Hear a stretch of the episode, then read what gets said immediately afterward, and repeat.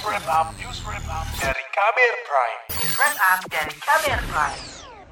Komisi Pemberantasan Korupsi KPK menyebut 51 pegawainya dipecat karena dianggap tidak bisa dibina lagi setelah gagal tes wawasan kebangsaan TWK.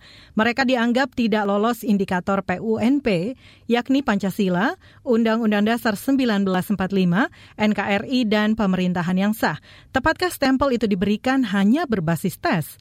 Berikut laporan khas KBR yang disusun jurnalis Wahyu Setiawan. Dan kemudian kita sepakati bersama dari 75 itu dihasilkan bahwa ada 24 pegawai dari 75 tadi yang masih dimungkinkan untuk dilakukan pembinaan sebelum diangkat menjadi ASN. Sedangkan yang 51 orang, ini kembali lagi dari asesor, itu sudah warnanya dia bilang sudah merah dan ya tidak memungkinkan untuk dilakukan pembinaan.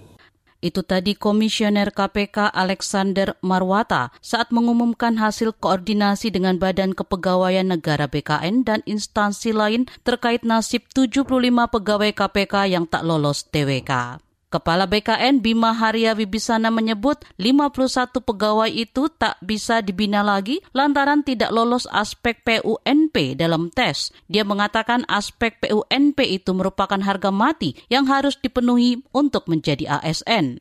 Jadi itu tidak bisa dilakukan penyesuaian dari aspek tersebut. Bagi mereka yang aspek PUNP-nya bersih, walaupun aspek pribadi dan pengaruhnya terindikasi negatif, itu masih bisa dilakukan proses melalui diklat. Jadi dari sejumlah 75 orang itu, 51 orang itu menyangkut aspek PUNP. Bukan hanya itu, yang 51 ini tiga-tiganya negatif.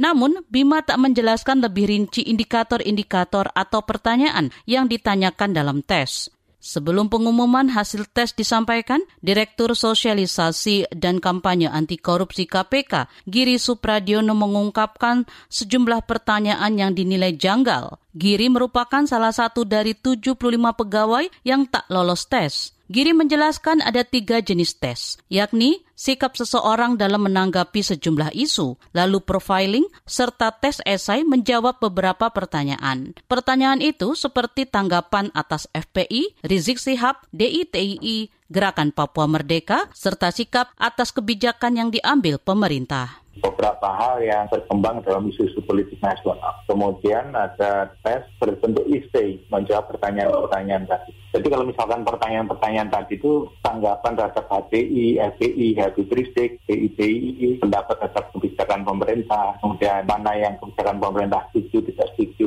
apa itu di essay.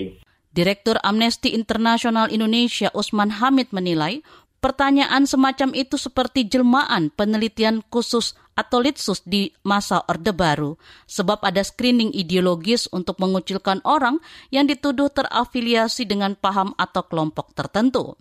Dan ini adalah langkah mundur di dalam proses demokrasi dan reformasi. Ketua Bidang Advokasi Yayasan Lembaga Bantuan Hukum Indonesia YLBHI, M. Isnur bahkan menyebut tes pegawai KPK ini lebih buruk daripada Litsus Orde Baru dengan stigma, dengan target stempel yang juga jauh lebih buruk itu. Sekarang seolah-olah 75 orang ini melakukan kesalahan berat, sehingga di stempel merah tidak bisa memperbaiki dan lain-lain. Padahal di KPK itu jelas. Atau bahkan kita sebagai orang ya yang biasa bekerja di pabrik dan lain-lain. Kalau Anda mau mecat, kalau Anda mau memberhentikan jelas. Ada kesalahannya apa? Tindakan mana yang disalah? Diuji dulu di sidang etik. Nah ini mereka tanpa kesalahan, mereka tanpa tindakan yang bisa dievaluasi, tanpa forum pembelaan, mereka nggak bisa mengklarifikasi itu semua dan dituduh langsung stempelnya merah gitu. Menurut Isnur, stempel merah ini akan menimbulkan stigma negatif yang merugikan pegawai, keluarganya, rekam jejaknya, hingga pengabdiannya selama ini. Stempel itu juga terkesan melabeli para pegawai lebih buruk dibandingkan teroris, sebab teroris pun masih bisa dibina dengan deradikalisasi. Direktur Pusat Studi Konstitusi Pusako Universitas Andalas Ferry Amsari menilai alasan BKN dan KPK memberhentikan pegawai yang tak lolos tes sangat mengada-ngada dan terlalu memaksakan. Dengan nada satir, Ferry menilai stempel pegawai tak bisa dibina terlalu berlebihan. warga negara kok tidak bisa dibina. Kalau warga negara tidak bisa dibina ya jangan dijadikan warga negara. Ferry menilai pertanyaan-pertanyaan dalam tes berdasarkan cerita pegawai KPK justru bertentangan dengan aspek NKRI, Pancasila, dan Undang-Undang Dasar 1945. Sehingga itu tidak bisa lagi dijadikan indikator untuk menyatakan 51 pegawai tak bisa dibina. Ferry juga menekankan bahwa tes ini tidak memiliki landasan hukum yang jelas. Jadi BKN sebenarnya sedang bekerja sama memaksakan bersama KPK untuk menyingkirkan 51 nama ini.